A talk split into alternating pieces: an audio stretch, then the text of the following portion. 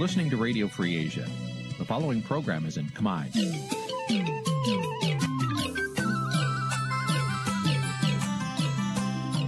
នេះជាកម្មវិធីផ្សាយ Vuthu Azizi Serai នេះជាកម្មវិធីផ្សាយរបស់ Vuthu Azizi Serai ជាភាសាខ្មែរ Vuthu Azizi Serai សូមស្វាគមន៍លោកអ្នកនាងទាំងអស់ពីរដ្ឋធានី Washington នៃសហរដ្ឋអាមេរិក បាទប្រធានាធិបតី Washington ខ្ញុំបាទទីនសាករិយាសូមជម្រាបសួរលោកនាងកញ្ញាទាំងអស់ជាទីមេត្រីយើងខ្ញុំសូមជូនកម្មវិធីផ្សាយសម្រាប់យប់ថ្ងៃសុក្រ300ខែភេទរបត់ឆ្នាំឆ្លូវត្រីស័កពុរសករាជ2565ត្រូវនៅថ្ងៃទី24ខែកញ្ញាគ្រិស្តសករាជ2021ដែលជាខួបទី28ឆ្នាំនៃការបង្កើតរដ្ឋធម្មនុញ្ញបាទលោកនាងជាទីមេត្រីជាបន្តទៅនេះសូមអញ្ជើញលោកនាងស្ដាប់ព័ត៌មានប្រចាំថ្ងៃដែលមានមេត្តាដូចតទៅ thank you នៅវិភាគនឹងបកប្រឆាំងរិះគន់ថាការគោរពនិងអនុវត្តរដ្ឋធម្មនុញ្ញមិនបានពេញលេញហើយធ្វើឲ្យកម្ពុជាធ្លាក់ចូលក្នុងរបបផ្ដាច់ការរបបឯកបកចំណាយលុយ70000ដុល្លារក្នុងមួយខែជួលក្រុមហ៊ុនអាមេរិកឲ្យជួយស្ដារកេរ្តិ៍ឈ្មោះរបស់ខ្លួនបាទនៅទីវេទិកាអ្នកស្ដាប់អាស៊ីសេរីនៅយប់នេះនឹងជជែកថាតើរយៈពេល28ឆ្នាំមកនេះមេដឹកនាំគោរពនិងលើកដំណើររដ្ឋធម្មនុញ្ញបានកម្រិតណាហើយថាតើបរដ្ឋត្រូវមានសិទ្ធិស្មើគ្នាចំពោះមុខច្បាប់បែបណាខ្លះ រួមនឹងព័ត៌មានផ្សេងផ្សេងទៀត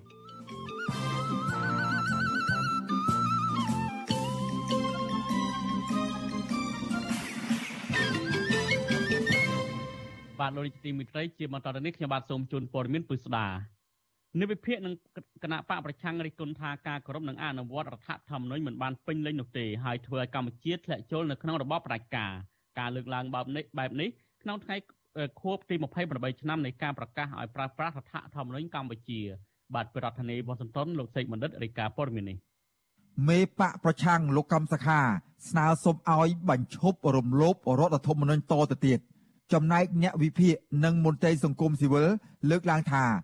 ដ្ឋាភិបាលលោកហ៊ុនសែនមិនបានគោរពនិងអនុវត្តរដ្ឋធម្មនុញ្ញបានពេញលេញនោះទេលោកកំសខាដែលកំពុងបាត់បង់សិទ្ធិធ្វើនយោបាយ និងមិនអាចចេញក្រៅប្រទេស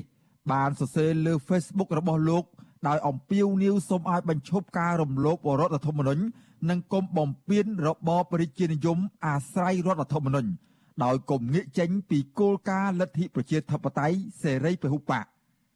លោកក៏ស្នើឲ្យមានការរួបរวมគ្នា ពង្រឹងស្មារតីឯកភាពជាតិគោរពសិទ្ធិគ្នាទៅវិញទៅមក និងលើកកម្ពស់គុណធម៌និងសិលធម៌ផងដែរ។ ទោះបីជាយ៉ាងណា លោកនាយករដ្ឋមន្ត្រីហ៊ុនសែនរំលឹកថារដ្ឋធម្មនុញ្ញកម្ពុជា ចែងដាច់ខាតត្រូវមានរបបប្រជាធិបតេយ្យសេរីពហុបកលោកហ៊ុនសែនសរសេរលើ Facebook ក្នុងថ្ងៃខួបទី28ឆ្នាំនៃការប្រកាសឲ្យប្រើរដ្ឋធម្មនុញ្ញថារដ្ឋធម្មនុញ្ញគឺជាច្បាប់កម្ពុជារបស់កម្ពុជា ច្បាប់និងសេចក្តីសម្រេចទាំងឡាយនៃស្ថាប័ននានា ត្រូវស្របទៅនឹងរដ្ឋធម្មនុញ្ញជាដាច់ខាតលោកហ៊ុនសែនថែមទាំងបង្ហោះចម្រៀងដែលមានចំណងជើងថារដ្ឋធម្មនុញ្ញជាច្បាប់កម្ពុជារបស់កម្ពុជា លើ Facebook របស់លោក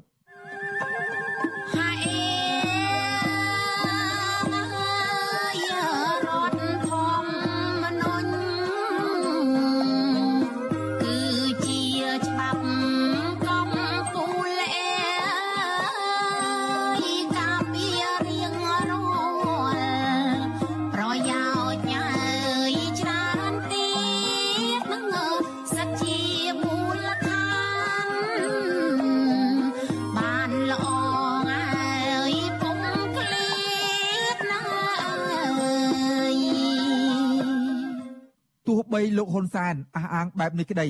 ក៏ប៉ុន្តែរដ្ឋាភិបាលលោកហ៊ុនសែនបានធ្វើច្បាប់មួយចំនួន ដែលមានចរិតនយោបាយអធម្មនុញ្ញភាព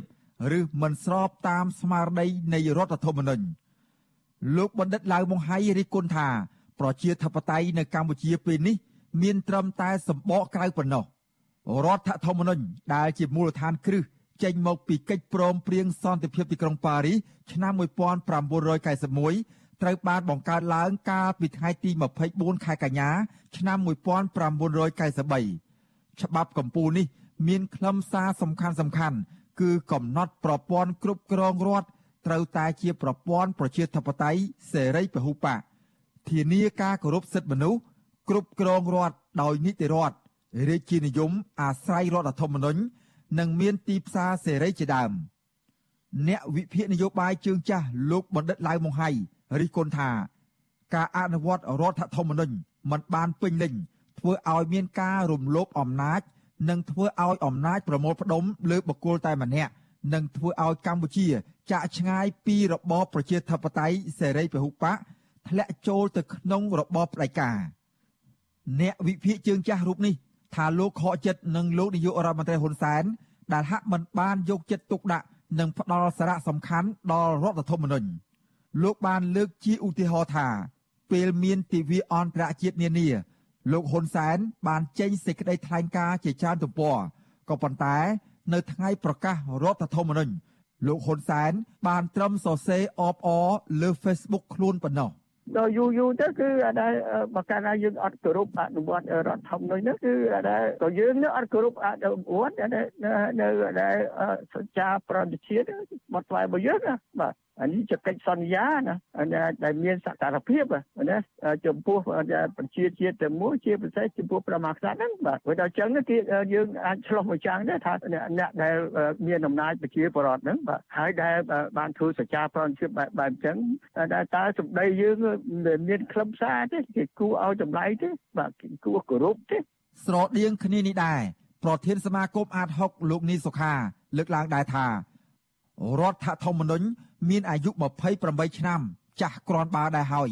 តែគួរឲ្យសោកស្ដាយអ្នកអនុវត្តដូចជាមិនទាន់ចាស់ទុំសោះលោកបន្តថា នៅប្រមាណឆ្នាំចុងក្រោយនេះរបបសេរីពហុបកនៅកម្ពុជា បានដើរថយក្រោយ ចំណែកសិទ្ធិសេរីភាពរបស់ប្រជាពលរដ្ឋចំណែកសិទ្ធិសេរីភាពរបស់ប្រជាពលរដ្ឋក៏ប្រែរួមតូចនិងត្រូវបានរដ្ឋបិទនិងគម្រាមកំហែងថែមទៀតផង លោកសង្កេតឃើញថា នៅពេលដែលរដ្ឋាភិបាលមិនគោរពតាមរដ្ឋធម្មនុញ្ញយ៉ាងដូចនេះនាំឲ្យកម្ពុជាត្រូវរងសម្ពាធពីសហគមន៍អន្តរជាតិជាបន្តបន្ទាប់និងធ្វើឲ្យរដ្ឋាភិបាលកម្ពុជាអាម៉ាស់មុខលើឆាកអន្តរជាតិផងដែរ។ គណៈបកកាន់អំណាចគឺកាន់អំណាចដោយគេហៅថាដោយឯកបកមិនមែនជាពហុបកទៀតទេឃើញទេដូច្នេះបើយើងងាកទៅមើលពី93យើងឃើញមានពហុបកគ្រាន់បើប៉ុន្តែដល់ពេលកាន់តែចាស់ទុំទៅចាស់ទុំទៅបែរជាយើងមកដល់បច្ចុប្បន្នបែរជាទៅជាឯកបកទៅវិញឃើញទេដូច្នេះអានេះដែលខ្ញុំមើលឃើញថាវាជារឿងមួយគួរឲ្យសោកស្ដាយរីឯអ្នកវិភាគនយោបាយលោកបណ្ឌិតសេងសេរីក៏សរសេរលើ Facebook របស់លោកដោយប្រៀបធៀបកិច្ចព្រមព្រៀងសន្តិភាពទីក្រុងប៉ារីស ប្រៀបបានទៅនឹងបានប្រកាសអាពាហ៍ពិពាហ៍នៃគ្រួសារខ្មែរដែលមានមេបានិងចៅមហាប្រុសស្រីជាបរទេសចំនួន18ប្រទេសជាសាក្សីលោកថាគ្រួសារថ្មីថ្មោងនេះ បានបង្កើតច្បាប់គោលមួយ សម្រាប់គ្រួសារគឺរដ្ឋធម្មនុញ្ញទោះយ៉ាងណាលោកថា ក្រោយរួមរស់ជាមួយគ្នាជិត30ឆ្នាំមក គ្រួសារមួយនេះពេលខ្លះជេរគ្នា ប្រមាថគ្នា មិននិយាយរកគ្នា និងពេលខ្លះគប់គ្នា ប្រតែយប្រតបគ្នា រហូតដល់មានអ្នករត់ចេញពីផ្ទះទៀតផង អ្នកវិភាគរូបនេះយល់ថាការដោះស្រាយចំនួននយោបាយកម្ពុជាលើកនេះគឺខ្មែរនិងខ្មែរអាចដោះស្រាយបានដោយត្រូវវិលចូលតុចរចាឡើងវិញ ចំណែកលោកបណ្ឌិតឡៅបងហៃក៏រំលឹកលោកហ៊ុនសែនឲ្យបំពេញតួនាទីរបស់ខ្លួនជានាយករដ្ឋមន្ត្រីដែលមានទំនួលខុសត្រូវចំពោះរដ្ឋធម្មនុញ្ញ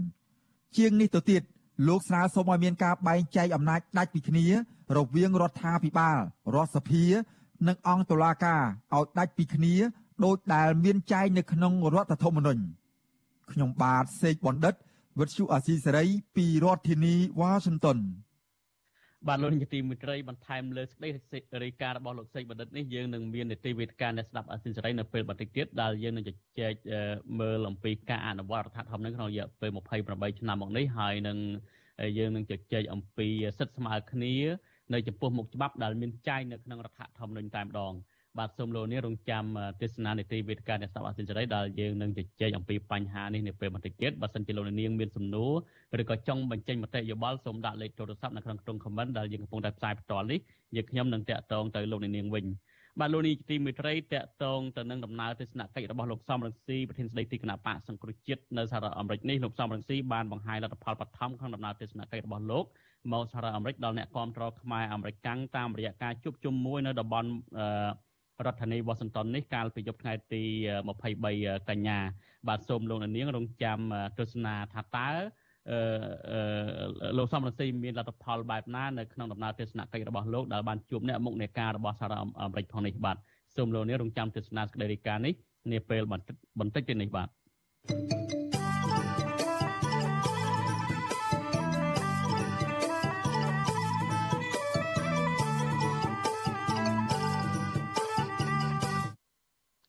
បាទលោកនាយកទីមេត្រីនៅទន្ទឹមនឹងមេដឹកនាំរបបឯកបកអះអាងថាកម្ពុជាមានសន្តិភាព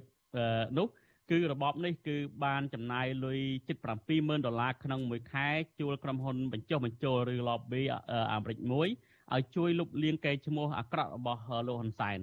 នៅវិភាគនឹងមន្ត្រីបកប្រឆាំងរិះគន់ថារបបលោកហ៊ុនសែនកំពុងតែចំណាយលុយខ្ជិះខ្ជាយឥតប្រយោជន៍ហើយមិនអាចលុបលាងកេរ្តិ៍ឈ្មោះអាក្រក់របស់ខ្លួនបាននោះទេ បើសិនជាមិនព្រមស្ដារប្រជាធិបតេយ្យនិងគោរពសិទ្ធិមនុស្សឲ្យបានពេញលេញវិញទេនោះបាទអ្នកស្រីម៉ៅសុធីនីរាយការណ៍ព័ត៌មាននេះរបបក្រុងភ្នំពេញបានជួក្រុមហ៊ុនបញ្ចុះបញ្ចូលថ្មីមួយទៀតដើម្បីផ្ដល់សេវាកម្មជួយលុបលាងកេរ្តិ៍ឈ្មោះអាក្រក់របស់ខ្លួនខណៈដែលសហរដ្ឋអាមេរិកកំពុងជំរុញការអនុម័តច្បាប់ដាក់ទណ្ឌកម្មលើក្រុមមេដឹកនាំកម្ពុជាកម្ពុជានៅកម្ពុជារួមមានទាំងលោកហ៊ុនសែនផងដែរ ចាក្រុមហ៊ុនបញ្ចុះបញ្ចូលថ្មីនេះមានឈ្មោះ Covis Communication ដែលល្បីល្បាញធ្វើជាតំណាងឲ្យរបបមួយចំនួន ដែលមានកេរ្តិ៍ឈ្មោះអាក្រក់បំផុតនៅលើពិភពលោកពាក់ព័ន្ធនឹងអំពើពុករលួយនិងការរំលោភសិទ្ធិមនុស្សចាឯកសារដែលបានដាក់នៅក្រសួងយុទ្ធភ័ពអាមេរិកបង្ហាញថា ឯកអគ្គរដ្ឋទូតកម្ពុជាប្រចាំរដ្ឋធានី Washington លោកជុំសុនរី បានចុះកិច្ចសន្យាជាមួយក្រុមហ៊ុន Covis កាលពីថ្ងៃទី15ខែកញ្ញា ជាធ្នូនឹងប្រាក់ឈ្នួលប្រចាំខែប្រមាណ770,000ដុល្លារអាមេរិកចាក្រុមហ៊ុន Coffee បានព្រមព្រៀងផ្ដល់សេវាកម្មផ្នែកទំនាក់ទំនងប្រព័ន្ធផ្សព្វផ្សាយនិងសេវាកម្មផ្នែកសារគមនាគមន៍បែបយុទ្ធសាស្ត្រ ដើម្បីជួយគ្រប់គ្រងដល់ការបង្កើនការយល់ដឹង របស់សាធារណជនរួមទាំងការធ្វើដំណើរនិងទេសចរសម្រាប់ប្រទេសកម្ពុជាផងដែរជាបច្ចុប្បន្នស៊ីស្រីមិនអាចសុំការបញ្ជាក់បន្ថែមពីអ្នកនាំពាក្យក្រសួងការបរទេសលោកកុយគួងនិងអ្នកនាំពាក្យគណៈបកកណ្ដាលអំណាចលោកសុកអេសានបានទេ ដោយទូរស័ព្ទហៅចូលពុំមានអ្នកទទួលចារីឯប្រធានអង្គភិបអ្នកនាំពាក្យរដ្ឋាភិបាលលោកផៃស៊ីផាន ថ្លែងថាលោកមិនបានដឹងរឿងរដ្ឋាភិបាលជួលក្រុមហ៊ុនបញ្ចុះបញ្ចូលរបស់អាមេរិកនេះទេក៏ប៉ុន្តែលោកបញ្ជាក់ថាការជួលក្រុមហ៊ុនអាមេរិកដើម្បីឲ្យជួយសម្របសម្រួលឬក៏ lobby នេះគឺជារឿងស្របច្បាប់ដែលប្រទេសផ្សេងផ្សេងទៀតក៏ធ្វើបែបនេះដែរដើម្បីឲ្យសហរដ្ឋអាមេរិកបានទទួលស្គាល់និងយល់ពីអ្វីដែលកើតមាន ហើយឆ្លើយតបនឹងផលប្រយោជន៍របស់ប្រទេសនីមួយៗ អានេះជារឿងទូទៅធម្មតានៅក្នុងនយោបាយរបស់អាមេរិកគឺផលប្រយោជន៍អាមេរិកជាធំហើយបើចង់ធ្វើអីទៅ lobby ដើម្បីរៀបចំ policy ហ្នឹងឲ្យត្រឹមត្រូវដើម្បីរឹងបណ្ដាញពាណិជ្ជកម្មឬបណ្ដាញផ្សេងដទៃទៀតមិនមែនរឿងលុបឈ្មោះលៀងកំហុសលៀងអីគឺអត់ទេណានៅសម័យកាលប្រទេសអារ៉ាប់បានធ្វើ lobby ជាមួយនឹងកាលចំនួនអូបាម៉ាពីរឿងពីបំរុងដាក់ប្រទេសអារ៉ាប់ហ្នឹងចូលក្នុងបញ្ជីរំលោភសិទ្ធិមនុស្សរំលោភអីហ្នឹងគឺគេធ្វើ solicit ដើម្បីឲ្យកែប្រែ policy ហ្នឹងអានេះជារឿងទំនៀមទម្លាប់មិនមែនទៅមិនទំនៀមទម្លាប់ទេអានេះជាប្រភពនៃចំណូលរបស់សហរដ្ឋអាមេរិកមួយចាទោះជាយ៉ាងណាអ្នកវិភាគនិងមន្ត្រីជាន់ខ្ពស់គណៈបកសង្គ្រោះជាតិយល់ថាការចំណាយលុយដ៏ច្រើនសន្ធឹកសន្ធាប់ដើម្បីជួសក្រុមហ៊ុន COVID នេះគឺគ្មានបំណងអ្វីក្រៅតែពីឲ្យក្រុមហ៊ុនមួយនេះជួយបញ្ចុះបញ្ចូលឬ lobby ដល់រដ្ឋាភិបាល និងស្ថាប័ននីតិបញ្ញត្តិរបស់សហរដ្ឋអាមេរិក ឲ្យផ្លាស់ប្តូរជំហរដាក់ទណ្ឌកម្មលើក្រុមមេដឹកនាំរបបក្រុងភ្នំពេញចាអ្នកជំនាញកិច្ចការអន្តរជាតិបណ្ឌិតអៀសុផលលើកឡើងថាក្រុមហ៊ុន Covis គួរតែមានសេចក្តីខ្មាស់អៀនខ្លួនឯងដែលយករដ្ឋាភិបាលកម្ពុជាធ្វើជាអតិថិជនរបស់ខ្លួនចាបណ្ឌិតអៀសុផលបន្តថាវាជារឿងមួយគួរឲ្យសង្វេគណាស់ដែលរដ្ឋាភិបាលលោកហ៊ុនសែនចំណាយលុយ70000ដុល្លារក្នុងមួយខែ ឲ្យក្រុមហ៊ុន lobby ដើម្បីជួយការពារទង្វើរំលោភសិទ្ធិមនុស្សការបំផ្លាញប្រជាធិបតេយ្យនិងសិទ្ធិសេរីភាពជាអ្នកនិពន្ធសិភៅការពឹងផ្អែកលើជំនួយនៅកម្ពុជារូបនេះសង្កត់ធ្ងន់ថាបច្ចុប្បន្ននេះកម្ពុជា មានជាប់ពាក់ព័ន្ធនឹងការទិញអគិសនីដែលផលិតដោយធ្យូងថ្ម ការកាប់បំផ្លាញព្រៃឈើដ៏មានតម្លៃចុងក្រោយ ការបូមខ្សាច់និងអ្វីអ្វីជាច្រើនទៀត ដូច្នេះបញ្ហាទាំងនេះក្រុមហ៊ុន Covis គួរតែផ្អាកកិច្ចសន្យាក៏ប៉ុន្តែផ្ទុយទៅវិញក្រុមហ៊ុនមួយនេះហាក់មើលឃើញតែរឿងប្រាក់ចំណេញនិងផលប្រយោជន៍តែប៉ុណ្ណោះ។ ចាក្រុមហ៊ុន Coffee នេះគឺជាក្រុមហ៊ុនមួយដែលល្បីខាងទទួលយកកម្រៃពីក្រុមមេដឹកនាំនៃប្រទេសផ្ដាច់ការនិងពុករលួយមួយចំនួនជាធ្នូនឹងការផ្ដល់សេវាកម្មជួយលុបលាងគេឈ្មោះអាស្រូវរបស់ពួកគេ ដើម្បីកិច្ចផុតពីការដាក់ទណ្ឌកម្មរបស់សហរដ្ឋអាមេរិក ក្នុងនោះក្រុមហ៊ុន Lobby នេះក៏ធ្លាប់ទទួលយកប្រទេសអារ៉ាប៊ីសាអូឌីតជាអតិថិជនដើម្បីជួយលុបលាងរឿងឃាតកម្មលើអ្នកកាសែតម្នាក់ឈ្មោះ Jamal Khashoggi កាលពីឆ្នាំ2018ក្រៅពីនេះក្រុមហ៊ុន Covi ក៏ធ្លាប់បានធ្វើជាតំណាងឲ្យប្រទេសហ្គីណេអេក្វាទ័រប្រហែលមួយទសវត្សរ៍ចាប់តាំងពីឆ្នាំ1979 ដែលស្ថិតក្រោមការគ្រប់គ្រងដ៏ឃោឃៅរបស់ប្រធានាធិបតីលោក Tedros Obiang ហើយកូនប្រុសរបស់គាត់ត្រូវបានប្រទេសអង់គ្លេសហាមឃាត់មិនឲ្យធ្វើដំណើរនិងបង្កកទ្រព្យសម្បត្តិជុំវិញការចាប់ប្រកាន់រឿងកឹបកេងថវិកាជាតិ ចាជុំវិញរឿងនេះមន្ត្រីជាន់ខ្ពស់គណៈបកសង្គ្រោះជាតិលោកអ៊ុំសំអាន ថ្លែងថារបបលោកហ៊ុនសែនគួរតែទុកលុយជួយដល់ប្រជាពលរដ្ឋដែលកំពុងរងគ្រោះដោយសារវិបត្តិជំងឺ Covid-19 ប្រសើរជាងការចំណាយថវិកាជាតិខ្ជះខ្ជាយជួលឲ្យក្រុមហ៊ុនអាមេរិកដើម្បីការពារផលប្រយោជន៍បកពួករបស់ខ្លួន។ ចាលោកមើលឃើញថានៅពីក្រោយខ្នងគឺក្រុមមេដឹកនាំរបបក្រុងភ្នំពេញ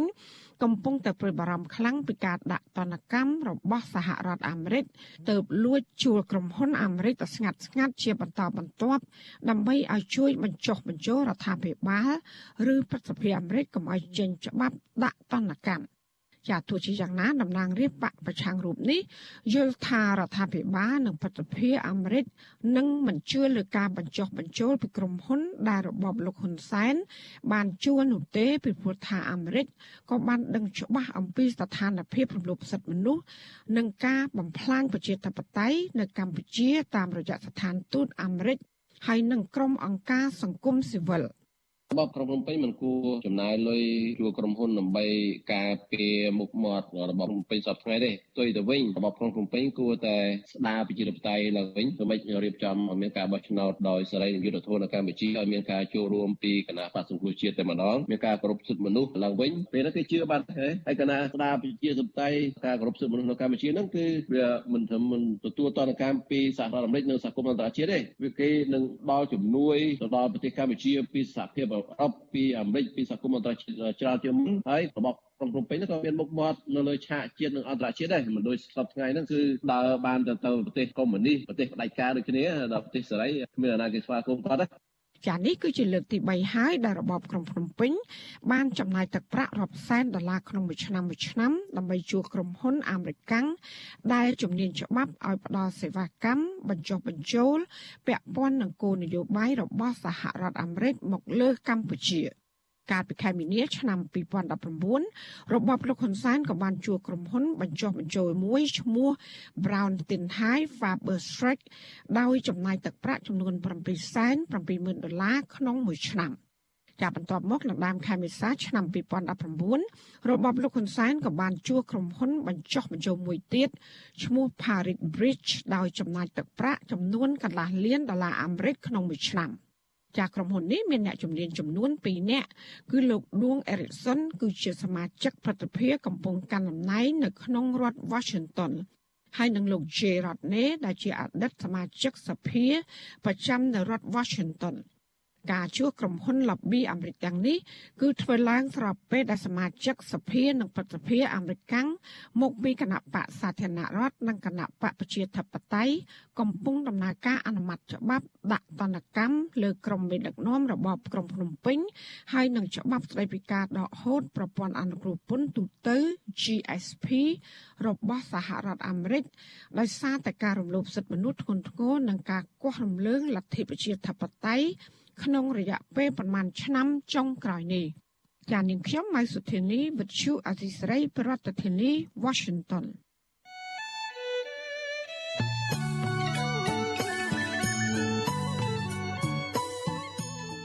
បាទលោកនាយកទីមេត្រីក្រៅនៅពេលប្រទេសនេះក្រៅពីយើងមានសេរីការអំពីលទ្ធផលបឋមរបស់លោកសំរងស៊ីនៅក្នុងដំណើរទស្សនកិច្ចរបស់លោកនៅឯសហរដ្ឋអាមេរិកនេះ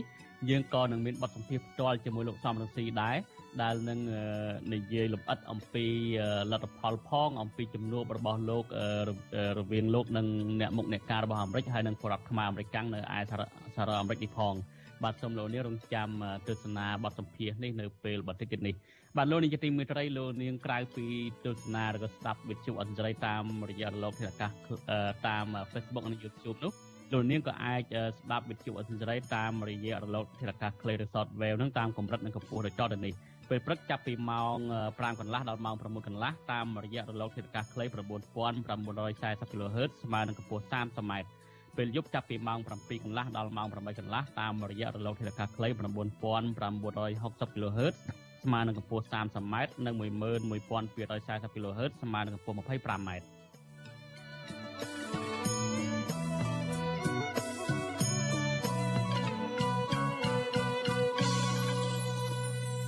បានលោកនាទីមិត្តរីតកតងនឹងរឿងបរិស្ថានវិញក្រុមអ្នកខ្លាំមើលបរិស្ថានប្រតិកម្មនឹងក្រសួងបរិស្ថាននៅនៅតែបន្តឆ្លើយដោះសារមិនទទួលស្គាល់ការពិតនិងការថយចុះគម្របប្រៃឈើប្រតិកម្មនេះធ្វើឡើងបន្ទាប់ពីមន្ត្រីជាន់ខ្ពស់ក្រសួងបរិស្ថានបានបន្តចោទប្រកាន់និងព្យាយាមវាយប្រហារទៅលើក្រុមអ្នកទៅលើក្រុមសកម្មជនការពារប្រៃឈើនិងអង្គការសមាគម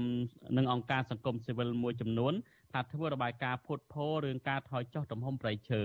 បាទសូមលោកនាងរងចាំស្ដាប់សេចក្តីរាយការណ៍នេះពីស្ដារនៅក្នុងការផ្សាយរបស់យើងនៅព្រឹកស្អែកបាទលោកនាយកទីមេត្រីតកតទៅនឹងរឿងជំងឺ Covid-19 វិញអ្នកឆ្លងជំងឺ Covid-19 ចំនួន20អ្នកទៀតហើយបានស្លាប់ដែលធ្វើឲ្យចំនួនអ្នកស្លាប់កើនឡើងជិត2200អ្នកហើយចំពោះករណីឆ្លងថ្មីវិញមានជាង800មានជាង800អ្នកនៅថ្ងៃដដែលនេះក្នុងនោះជាង100អ្នកជាករណីនាំចូលពីក្រៅប្រទេស គិតត្រឹមព្រឹកថ្ងៃទី24កញ្ញាកម្ពុជាមានអ្នកកើតជំងឺ Covid-19 ជាង1ជាង1សែនអ្នកក្នុងនោះអ្នកជាសះស្បើយមានជិត1សែនអ្នកតកតទៅនឹងរឿងចាក់វ៉ាក់សាំងបង្ការជំងឺ Covid-19 វិញវ៉ាក់សាំងចិនស៊ីណូវ៉ាក់ចំនួន3លានដុសទៀតដែលរដ្ឋាភិបាលបានបញ្ជាទិញត្រូវបានបញ្ជូនមកដល់កម្ពុជាហើយនៅព្រឹកថ្ងៃសុក្រនេះរដ្ឋលេខាធិការក្រសួងសុខាភិបាលនិងស្រីយកសម្បត្តិអះអាងថា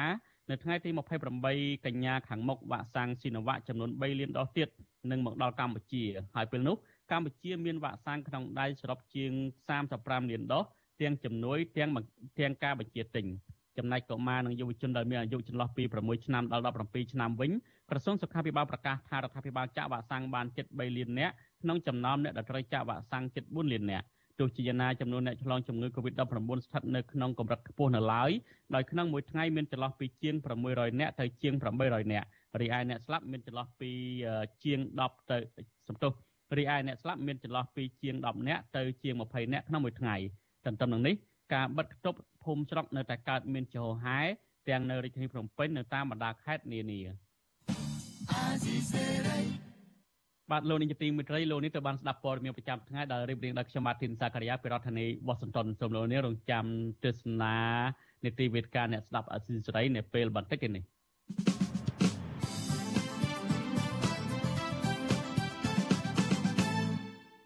បាទលោកនាយកទីមេត្រី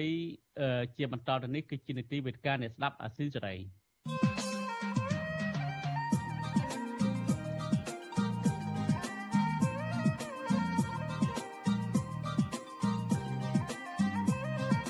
វេទិកាអ្នកស្ដាប់វិទ្យុអាស៊ីសេរី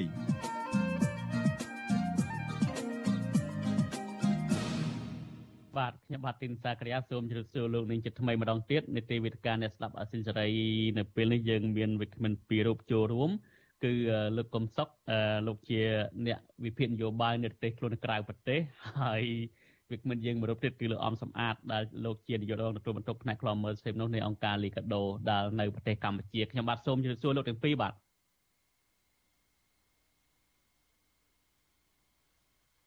លើខ្ញុំទេលោក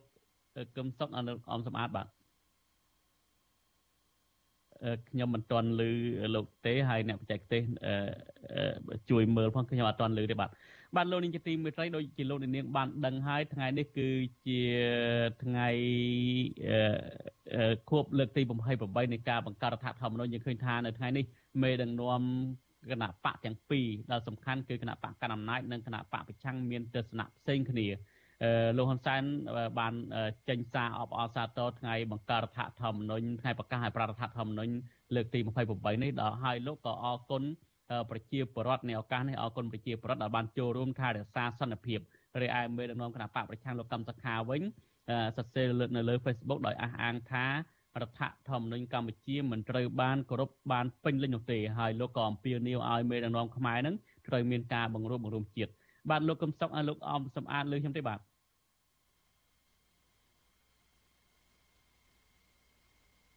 បាទខ្ញុំនៅតែមិនទាន់ឮដដែលបាទបាទលោកនាយកទីមេត្រី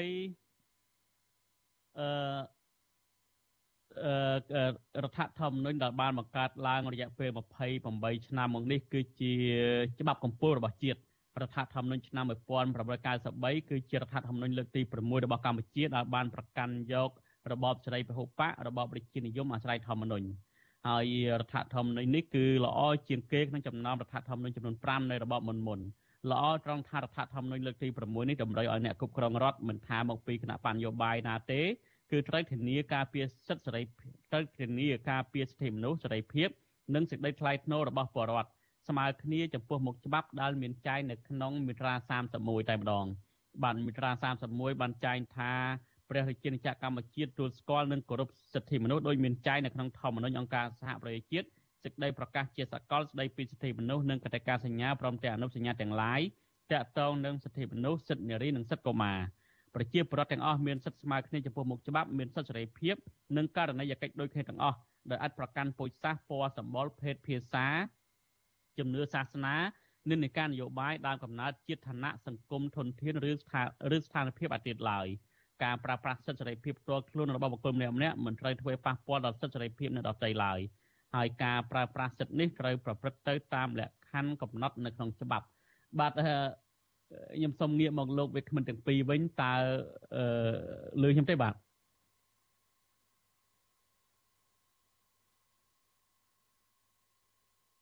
ខ្ញុំនៅតែមិនទាន់ឮហើយខាងបច្ចេកទេសនឹងតាក់ទងទៅម្ដងទៀតបាទលោកនេះជាទីមេត្រី តាក់ទងនឹងបាទខ្ញុំឃើញលោកអង្គសម្បត្តិហើយលោកអង្គសម្បត្តិលឺខ្ញុំទេបាទបាទតំលឺបាទអូលឺលឺបាទលឺច្បាស់ល្អណាស់បាទលឺច្បាស់ល្អលើកំសត់លឺខ្ញុំទេបាទបាទខ្ញុំលឺហើយមិញពីអ្នកលោកគុំសបាទអរគុណច្រើនជួយជួយលោកទី2ម្ដងទៀតបាទលឺច្បាស់ល្អហើយបាទលោកកំសុកនឹងឲ្យដូចថ្ងៃនេះហើយជាថ្ងៃដែលប្រកាសឲ្យប្រតិធម្មនឹងជាផ្លូវការសូមសួរលោកកំសុកមុនចុះតើ រយៈពេល28ឆ្នាំមកនេះឬក៏ការអនុវត្តរដ្ឋធម្មនុញ្ញរបស់មេដឹកនាំនឹងតើលោកមើលឃើញបែបណាដែរបាទសូមចេញបាទដោយសង្ខេបបាទខ្ញុំមើលឃើញថាជារួមមិនមែនត្រឹមតែខុសទេ គឺបំពេញរដ្ឋធម្មនុញ្ញតែម្ដងតាំងពីអធិបតេយ្យភាពក៏បំពេញពីព្រោះលួចធ្វើផែនទីស្ងាត់ស្ងាត់ជាមួយនឹងប្រទេសវៀតណាមបំពេញទាំងព្រះមហាក្សត្រ សិទ្ធិប្រជាពលរដ្ឋក៏បំពេញរបបនយោបាយវិញ ពីពហុបកឥឡូវមកឯកបកហើយយើងមិនចាំបាច់រៀបរាប់ទេអ្នកណាក៏ដឹងប្រយោជន៍សេដ្ឋកិច្ចរបស់ប្រជាពលរដ្ឋអស់ហើយព្រៃឈើរ៉ែបឹងភ្នំហើយនឹងអំពើពុករលួយពីពេញផ្ទៃប្រទេសអភិវឌ្ឍកន្លែងណាទឹកភ្នែកហូរកន្លែងហ្នឹងការអប់រំក៏បំពេញដែរឧទាហរណ៍ប្រសិនបើអ្នកណាម្នាក់ចង់សិក្សាអំពី វិទ្យាសាស្ត្រនយោបាយបើគេអត់ឲ្យនិយាយរឿងនយោបាយផងទៅសិក្សាវិទ្យាសាស្ត្រនយោបាយមិននៅប្រទេសកម្ពុជាយើងនោះសមាជជាតិក៏អត់ធ្វើការគ្រប់គ្រងរដ្ឋបាលក្រុមប្រឹក្សាធម្មនុញ្ញអង្គការរៀបចំការបោះឆ្នោតកោជបតុលាការរដ្ឋសភាព្រឹទ្ធសភារដ្ឋាភិបាលរឿងទាំងអស់ហ្នឹងសុទ្ធតែចែងនៅក្នុងរដ្ឋធម្មនុញ្ញហើយនៅក្រោមបញ្ជារបស់មនុស្សម្នាក់ដូច្នេះជារួមខ្ញុំមើលឃើញថាមិនមែនខុសទេប្រសិនបើខុសមិនមែនខុស គ្រប់តែចម្ពោះអញ្ចឹងទេ គឺបំពេញរដ្ឋធម្មនុញ្ញតែម្ដងខ្ញុំសូមសង្ខេបខ្លីប៉ុណ្ណឹងសិនបាទបាទអរគុណច្រើនបើយើងមើលអំពីបំពេញនេះគឺមានច្រើនណាស់ការជជែកគ្នារបស់យើង ជាបន្តនេះខ្ញុំចង់បដោតទៅលើសិទ្ធិស្មើគ្នាចំពោះមុខច្បាប់ហើយសិទ្ធិស្មើគ្នាចំពោះមុខច្បាប់នេះគឺជាកន្លឹះសំខាន់ដែលមានចែងនៅក្នុងរដ្ឋធម្មនុញ្ញតែតែម្ដងនៅក្នុងត្រង់មាត្រាទី31ដោយដែលខ្ញុំបានអានមុននេះបន្តិចបាទខ្ញុំចង់ងាកទៅលោកអំសំអាត សិទ្ធិបំពេញសំទោសសិទ្ធិស្មើគ្នាចំពោះមុខច្បាប់បើយើងឲ្យនិយមន័យរបស់សិទ្ធិស្មើគ្នាចំពោះមុខច្បាប់ហ្នឹងសិទ្ធិស្មើគ្នាបែបណាខ្លះទៅបាទបាទសូមអរគុណមុននឹងនេះខ្ញុំសូមរំលឹកបន្តិចតទៅនឹងរដ្ឋធម្មនុញ្ញយើងដឹងហើយថារដ្ឋធម្មនុញ្ញគឺកើតចេញអំពីស្មារតីនៃកិច្ចព្រមព្រៀងទីក្រុងប៉ារីសឆ្នាំ23ដុល្លារ1991ហើយ នៅក្នុងរដ្ឋធម្មនុញ្ញហ្នឹងគឺបានចែងយ៉ាងច្បាស់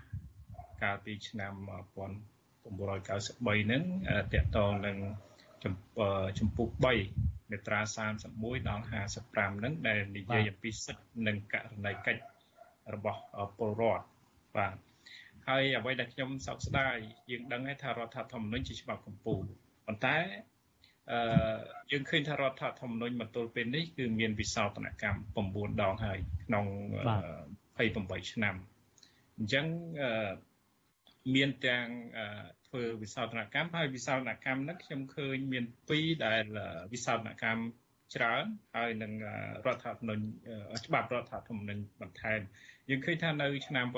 1994គឺវិសោធនកម្មតែមួយទេគឺមាត្រា 28ប៉ុន្តែនៅឆ្នាំ1999មានដល់ទៅ74មាត្រាដែលត្រូវបានធ្វើវិសោធនកម្មដែលច្រើនមែនទែនហើយ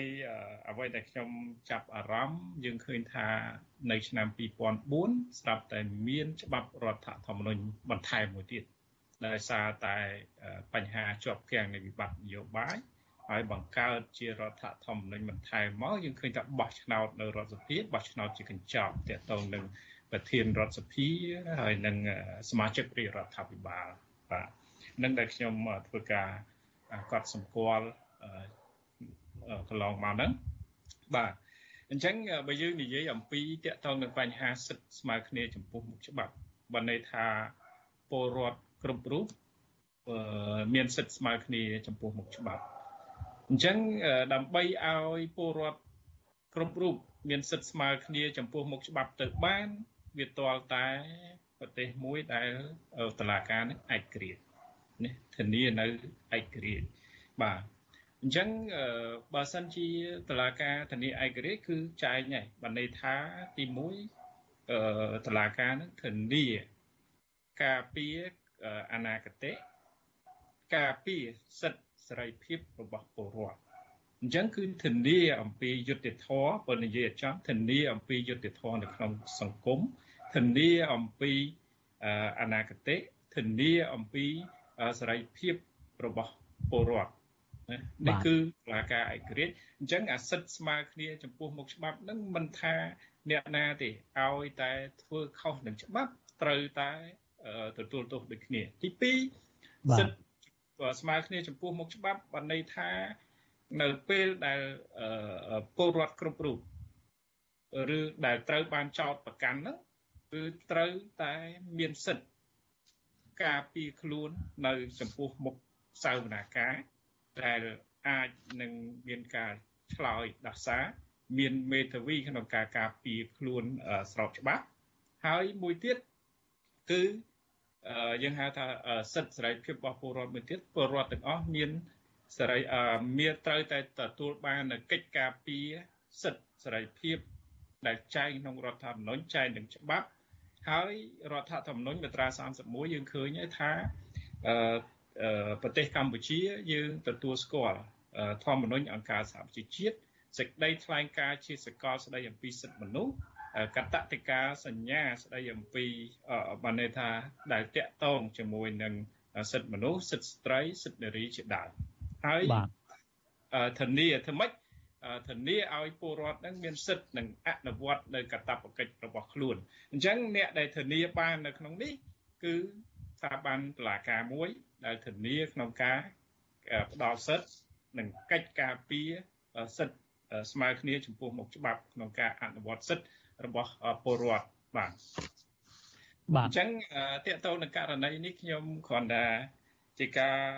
លើកឡើងយើងឃើញថា នៅក្នុងរដ្ឋធម្មនុញ្ញយើងនិយាយថាមេត្រាអត់អំណាច3ដែលត្រូវបែងចែកដាច់ពីគ្នានោះគឺអំណាចនីតិបញ្ញត្តិអំណាចនីតិប្រតិបត្តិនិងអំណាចតុលាការហ្នឹងអញ្ចឹងអំណាចនីតិបញ្ញត្តិមិនអាចជ្រៀតជ្រែកអំណាចតុលាការបានអំណាចនីតិប្រតិបត្តិក៏មិនអាចជ្រៀតជ្រែកអំណាចតុលាការបានដែរនេះគឺនៅក្នុងស្មារតីនៃរដ្ឋធម្មនុញ្ញដែលបានចែងណាបាទបាទហើយសេរីភាពមួយទៀតដែលតកតងសេរីភាពដែរ គឺយើងឃើញថានៅក្នុងចំពុក14ដែលនិយាយពីអង្គសមាជជាតិនោះយើងឃើញថាអង្គសមាជជាតិគឺជាការដែលបើកឱកាសឲ្យពលរដ្ឋចូលរួមដើម្បីសម្ដែងមតិស្ដាប់អំពីការងារលទ្ធផលរបស់រាជរដ្ឋាភិបាលហើយសម្ដែងមតិដើម្បីមានការសំណូមពរប៉ុន្តែយើងឃើញហើយច្បាប់ស្ដីអំពីការប្រព្រឹត្តទៅអង្គសមាជជាតិ28ឆ្នាំហើយគឺអត់មានអញ្ចឹងបាន มันអាចនឹងអនុវត្តបានដោយសារអត់ទាន់មាន ច្បាប់សមាជជាតិនេះបាទបាទបាទអរគុណច្រើនលោកអង្គសម្បត្តិមុននឹងងាកលោកកឹមសុខចង់សួរលោកអង្គសម្បត្តិបន្តបន្តិចទៀតដែលលោកបានលើកឡើងថាកលឹះសំខាន់នៃការអនុវត្តសិទ្ធិចំពោះនៃនៃនៃការមានសិទ្ធិស្មើគ្នាចំពោះមុខច្បាប់នឹងគឺថាតុលាការគឺជាស្ថាប័នដ៏សំខាន់សម្រាប់ធានានៅការអនុវត្តសិទ្ធិស្មើគ្នាចំពោះមុខច្បាប់បើយើងមើលករណីកន្លងមកពិសេស យើងមើលសំណុំរឿងរបស់សកម្មជនបរិស្ថានរបស់អ្នកការពីប្រៃឈើហើយនឹងសកម្មជនព្រំដែនអញ្ចឹងជាដើមហើយគ្រាន់តែបញ្ចេញមតិរបស់ខ្លួនក៏ជាប់ពន្ធនាគារដែរប៉ុន្តែយើងមើលសំណុំរឿងធំធំខ្ញុំលើកតែករណី2ទេតើនេះជាការអនុវត្តសិទ្ធិស្មើគ្នាចំពោះមុខច្បាប់ដែរទេពិសេសទីទី1គឺករណីរបស់លោកអង្គញាគិតធៀងដែលជាដែលលោកមានការចោទប្រកាន់ពីបទខាងសមាជិករកឃើញថាចិត្តក្នុងការជួញដូរគ្រឿងញៀនហ្នឹង ហើយតឡាការឲ្យជាប់ពន្ធនាគាររយៈពេល3 4ឆ្នាំអញ្ចឹងទៅហើយក្រោយមកក៏ដោះលែងអីអញ្ចឹងទៅវិញទៅហើយករណីមួយទៀតអង្គញាថងសរាប់ដែលតាក់ទងនឹងបទល្មើសឃាតកម្មលើអង្គញាអឹងមិនមិនជឿអញ្ចឹងទៅទោសតឡាការកាត់ទោសអស់មួយជីវិតហើយហើយលោកទាំងពីរហ្នឹងបើតាមសេចក្តីរាយការណ៍កន្លងមកហ្នឹងក្នុងពេលថាជាប់ពន្ធនាគារហើយគឺថានៅ ក្នុងមន្ទីរពេទ្យហើយមានបន្ទប់អីពិសេសអីចឹងទៅទៀតហើយឥឡូវហ្នឹង ឃើញថាតឡាការបានដោះលែងលោកទាំងពីរទៅវិញករណីទាំងនេះវាបង្ហាញយ៉ាងណាដែរលោកអំសម្បត្តិបាទបើសិនជានៅតែអនុវត្តបែបនេះតើការអនុវត្តគ្នាការអនុវត្តសិទ្ធិស្មើគ្នាចំពោះមុខច្បាប់នឹងនឹងទៅជាយ៉ាងណាវិញបាទសំជ័យបាទអរគុណមុនដល់ចំណុចនេះខ្ញុំសូមលើកមួយទៀតយើងឃើញថាអឺ រដ្ឋធម្មនុញ្ញដែលនិយាយអំពីសិទ្ធិនិងករណីកិច្ចរបស់ពលរដ្ឋហ្នឹងហើយនឹងការទទួលស្គាល់របស់រដ្ឋធម្មនុញ្ញទៅលើបទដ្ឋានអន្តរជាតិស្តីពីសិទ្ធិមនុស្សអញ្ចឹងច្បាប់ទាំងឡាយដែលបានចែងហ្នឹងបើនិយាយពីច្បាប់វិញយើងនិយាយថាច្បាប់ដែលរៀបចំនិងប្រព្រឹត្តទៅនៃស្ថាប័នជាតិរបស់រដ្ឋក៏ត្រូវស្របតាមរដ្ឋធម្មនុញ្ញច្បាប់ដែលអនុវត្តដូចជាច្បាប់ផ្សេងផ្សេងទៀត ក៏ត្រូវអនុលោមទៅតាមរដ្ឋធម្មនុញ្ញហើយនឹងបទដ្ឋានអន្តរជាតិស្តីពីសិទ្ធិមនុស្សហ្នឹងអញ្ចឹងគេត្រូវមានការថ្លឹងថ្លែងហើយបញ្ចូលធ្វើម៉េចដើម្បីធានានឹងការពារសិទ្ធិស្មើគ្នាចំពោះមុខច្បាប់ធានាអំពីការពារសិទ្ធិសេរីភាពពលរដ្ឋអញ្ចឹងជនណាដែលប្រព្រឹត្តខុសត្រូវតែអនុវត្តទៅតាមផ្លូវច្បាប់ដើម្បីកុំឲ្យមានការរិះគន់អំពីការអនុវត្តច្បាប់ពីព្រោះ ច្បាប់ចែងមកជាគោលប៉ុន្តែការអនុវត្តទេដែលធ្វើឲ្យមានការរិះគន់ជាបន្តបន្ទាប់ដោយករណីអញ្ចឹងខ្ញុំឃើញមានការរិះគន់ច្រើនថាការអនុវត្តហ្នឹងវាហាក់ដូចជាមានស្តង់ដារ2អញ្ចឹងទៅខ្ញុំលើកឧទាហរណ៍ថាដូចជារឿងលោករងឈុនអញ្ចឹងគាត់ត្រូវការវះភ្នែកអញ្ចឹងទៅហើយត្រូវការព្យាបាលពេលទៅមន្ទីរពេទ្យអាហ្នឹងវាយើងមិនមែនជាលក្ខណៈ ពេទ្យទេប៉ុន្តែជាទស្សនវិជ្ជាទូទៅដែលគេរិះគន់គឺឃើញថាគាត់ត្រូវការវះភ្នែកគាត់ត្រូវការសម្រាប់ពេទ្យដែលមានបរិយាកាសល្អថាស្ថានភាពល្អអីមួយរយៈហើយចាំបញ្ជូនទៅវិញក៏ប៉ុន្តែគ្រាន់តែវះកាត់ហើយ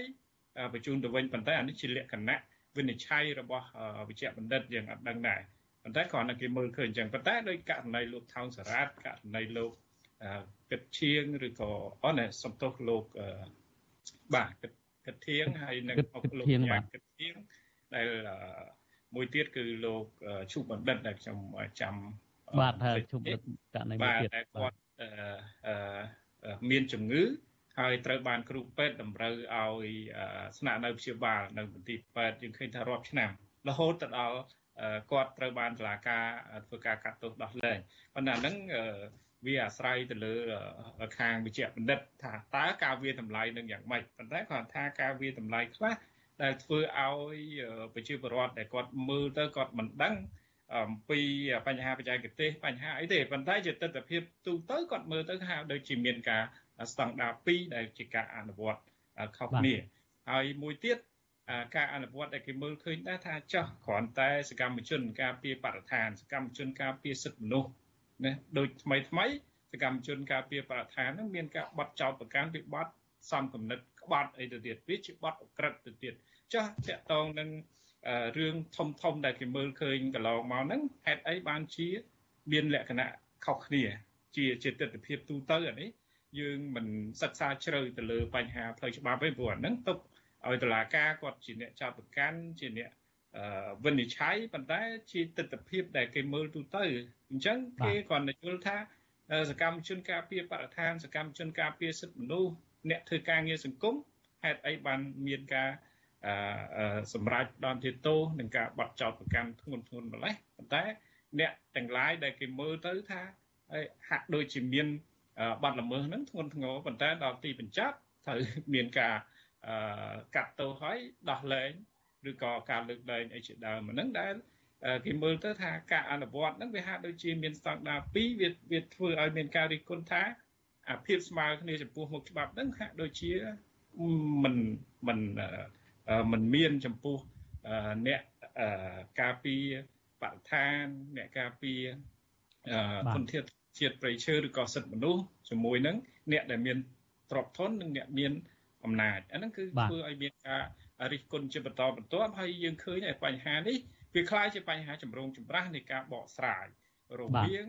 អាជ្ញាធរនិងតុលាការជាមួយនឹងសហគមន៍អន្តរជាតិឬក៏ក្រុមប្រឹក្សាសិទ្ធិមនុស្សដែលគេថាសកម្មជនបដិឋានទាំងអស់ហ្នឹងឬក៏សកម្មជនការពារសិទ្ធិមនុស្សដែលត្រូវបានចាប់និងឃុំខ្លួនហ្នឹងគ្រាន់តែគាត់ជាការអនុវត្តសិទ្ធិសេរីភាពដែលធានាដោយរដ្ឋធម្មនុញ្ញនិងបទដ្ឋានអន្តរជាតិស្តីពីសិទ្ធិមនុស្សប៉ុន្តែត្រូវបានជាប់ ពន្ធនាគារអញ្ចឹងខាងអាជ្ញាធរក៏ដូចជា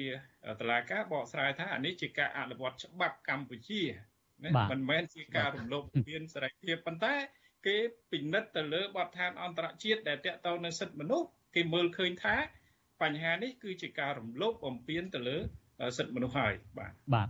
អរគុណច្រើនលោកអង្គសម្បត្តិនៅមានករណីជាច្រើនទៀតដែលយើងមិនបានលើកមកអស់ហ្នឹងដោយសារពេលវេលាពិសេសយើងមើលឃើញថាអឺ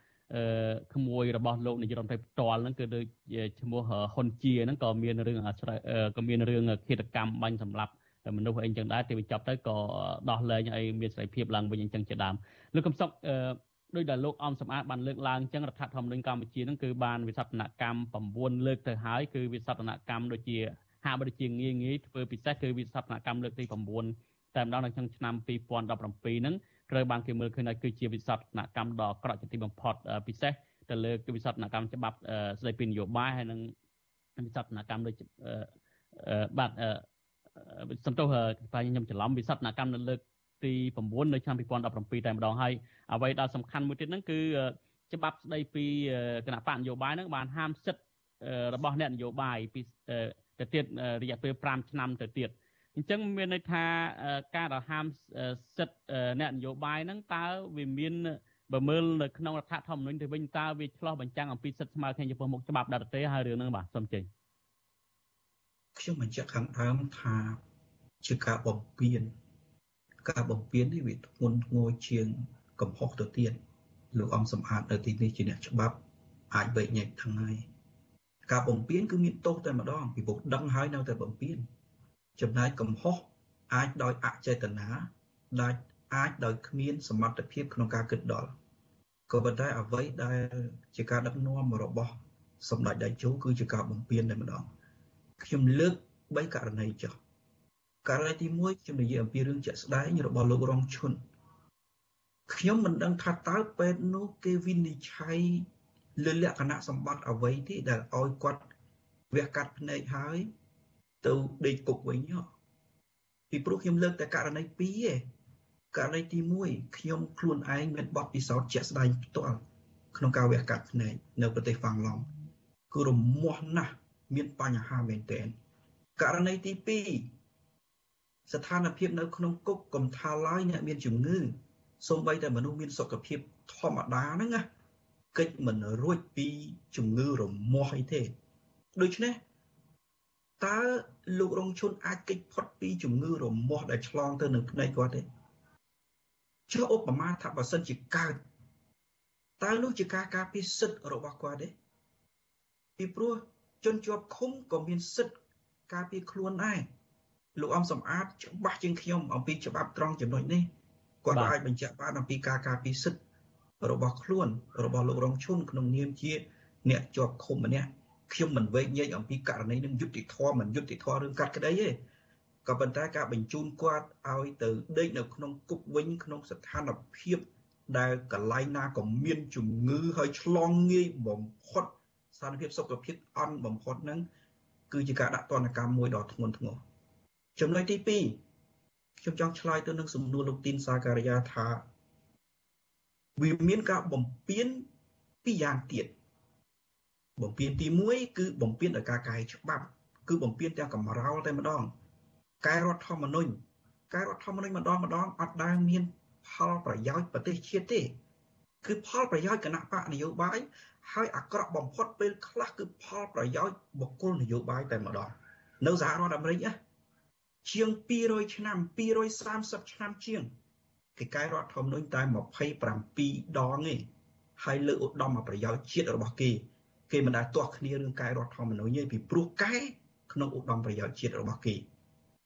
យើងគិតទៅ ជាង2អាណត្តិកែតែម្ដងបើគិតជាមធ្យមចំណែកនៅកម្ពុជា ជាង20ឆ្នាំកែយ៉ាងតិច9ដងទៅហើយបើគិតទៅមួយអាណត្តិកែប្រមាណ2ដងទៅហើយជាមធ្យមដូច្នេះការកែរដ្ឋធម្មនុញ្ញបែបនេះធ្វើឲ្យស្មារតីនៃរដ្ឋធម្មនុញ្ញចុះខ្សោយមែនទែននៅក្រោយអំណាចរបស់បុគ្គល ការកែរដ្ឋធម្មនុញ្ញបែបហ្នឹងគឺបំរើបុគ្គលសុទ្ធសាធទី2រឿងកែរដ្ឋធម្មនុញ្ញសំទោសតាក់ទងទៅរឿងកែច្បាប់ច្បាប់មួយចំនួនដូចជាច្បាប់គណៈបកនយោបាយច្បាប់បោះឆ្នោតកែចុះកែឡើងគ្មានអាណាមានសិទ្ធិតវ៉ាអីទាំងអស់គណៈបកណាបោះឆ្នោតហើយទោះបីយុតិធម៌មិនយុតិធម៌ក៏ដោយត្រូវតែចូលស្បត់ត្រូវតែចូលសភាហ៊ានតវ៉ាគេយកកៅអីទៅឲ្យគណៈបកផ្សេងត្រង់នេះគឺខុសខ្លឹមសាររដ្ឋធម្មនុញ្ញ ខ្លឹមសាររដ្ឋធម្មនុញ្ញគឺយុតិធម៌បើការបោះឆ្នោតមិនត្រឹមត្រូវត្រូវតែមានការតវ៉ាដូច្នេះអត់មានភាពស្មើគ្នាចំពោះមុខច្បាប់ក្នុងការប្រកួតប្រជែងនយោបាយទេលោកទីនសាក្រាសួរអំពីការប្រកួតប្រជែងនយោបាយហ្នឹងណាចំណុចមួយទៀតការបំពេញដោយការអនុវត្តមិនមែនកែការបំពេញដោយការអនុវត្តក្នុងរដ្ឋធម្មនុញ្ញខ្ញុំឧទាហរណ៍មួយចែងអំពីការបង្កើតឧត្តមក្រុមប្រឹក្សាការពារជាតិ ក៏ប៉ុន្តែមកដល់ពេលនេះអត់ហ៊ានបង្កើតឧត្តមក្រុមប្រឹក្សាការពារជាតិទេពីព្រោះនៅក្នុងរដ្ឋធម្មនុញ្ញបានចែងអំពីព្រះមហាក្សត្រធ្វើជាព្រះប្រធាននៃឧត្តមក្រុមប្រឹក្សាការពារជាតិអត់បានចែងថានាយករដ្ឋមន្ត្រីទេបើបានចែងថានាយករដ្ឋមន្ត្រីទំនងជាគេបង្កើតដែរ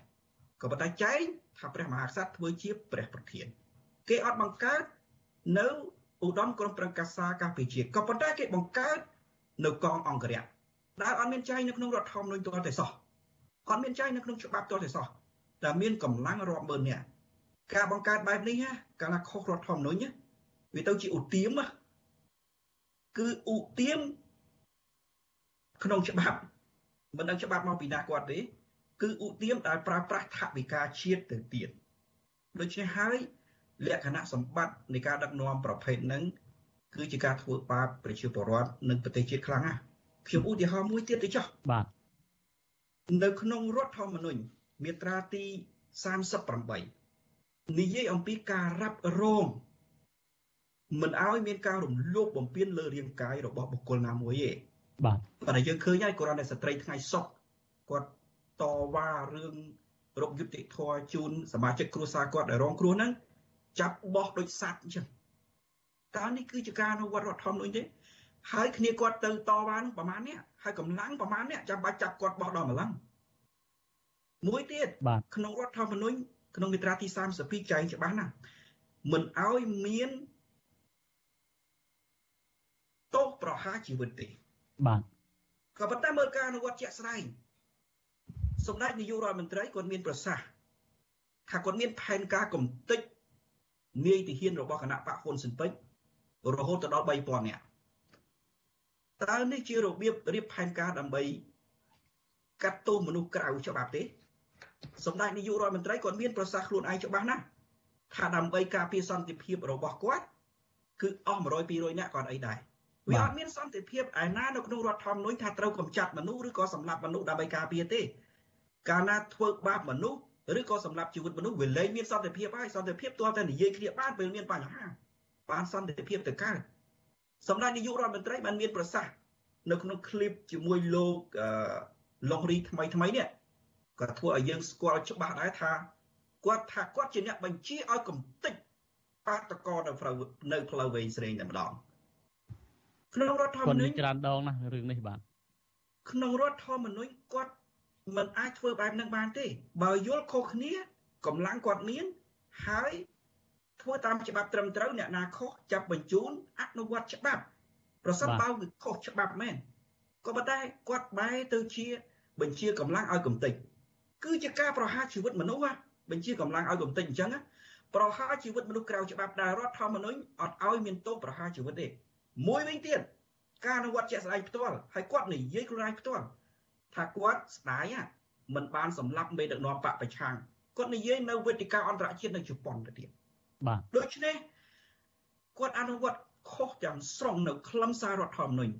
ដែលនិយាយថាធានាមិនឲ្យមានទោសប្រហារជីវិតទេមូលហេតុអីបានរដ្ឋធម្មនុញ្ញគេចែងអញ្ចឹងជាការគិតរបស់ខ្ញុំទេគោលបំណងអ្នកសរសេរគេដឹងអំពីស្ថានភាពកម្ពុជា កម្ពុជាឆ្លងកាត់សង្គ្រាមច្រើនឆ្នាំមនុស្សអាចមានការគុំគួនគ្នា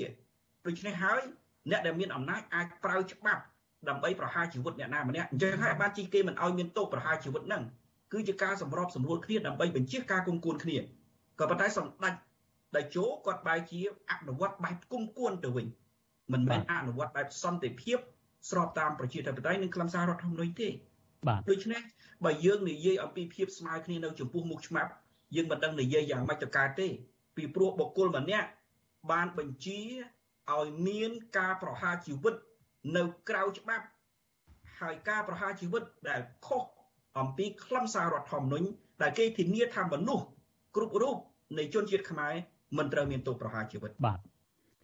អរគុណចាស់លោកកំសុកលោកកំសុកក៏បានលើកពីសារអាមេរិកមុននេះបន្តិចក្នុងរយៈពេលជាង230ឆ្នាំឬ230ឆ្នាំនោះគឺបានធ្វើវិសោធនកម្មចំនួន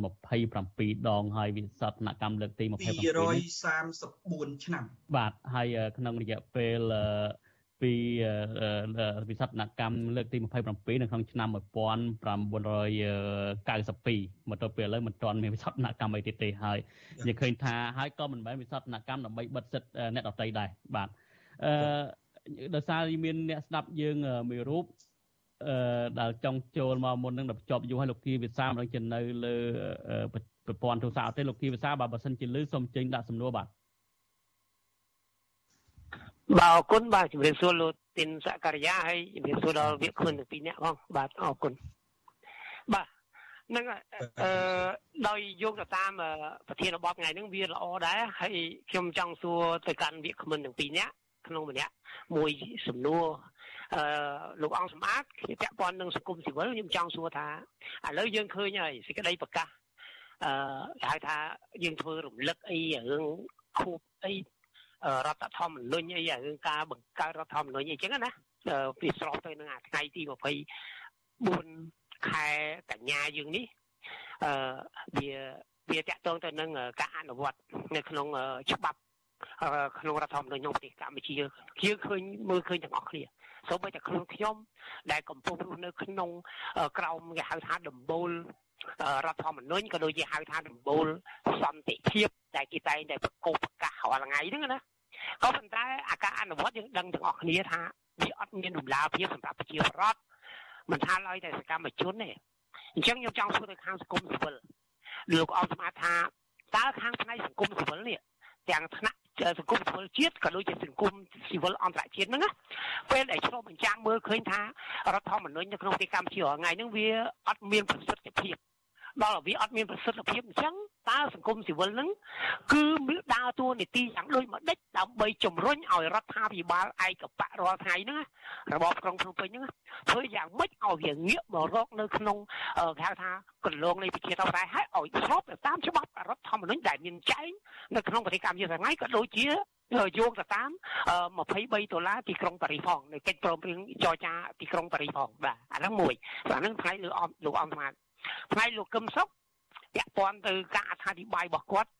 វាមានចំណុចខ្លះដែលខ្ញុំចាប់អារម្មណ៍ដែរហើយថាវាជាការល្អប្រពៃហើយប៉ុន្តែនៅពេលដែលលោកកឹមសុខតែងតែអឺយកយកថាអឺហៅថាយកគោលគំនិតរបស់ខ្លួនដែលជាថាអ្នកវិភាគហ្នឹងពេលដែលវិភាគចំណុចដែលទៅលើរដ្ឋាភិបាលដែលមិនអនុវត្តនឹងខ្ញុំគិតថាវាជាការត្រឹមត្រូវតែមូលហេតុនេះបានលោកកឹមសុខតែតែវិភាគ ចំណុចខ្លះខ្លះតាក់ទងទៅក្រុមរបស់លោកកឹមសុខនៅក្រៅប្រទេសប្រហែលអ្នកហ្នឹងដូចមិនឆ្លុះបញ្ចាំងឃើញឲ្យមានភាពស្មោះត្រង់និងក្លាហានដូចពួកខ្ញុំនៅក្នុងប្រទេសទីហើយចេះតែវាយប្រហារគណៈបរិញ្ញាជាតែមេដឹកនាំរបស់ខ្ញុំ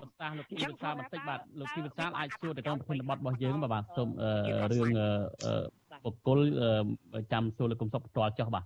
អញ្ចឹងហើយសំណួរដែលថាពេលវេលាខ្លីសំណួរទី1បាទលោកកឹមសុខ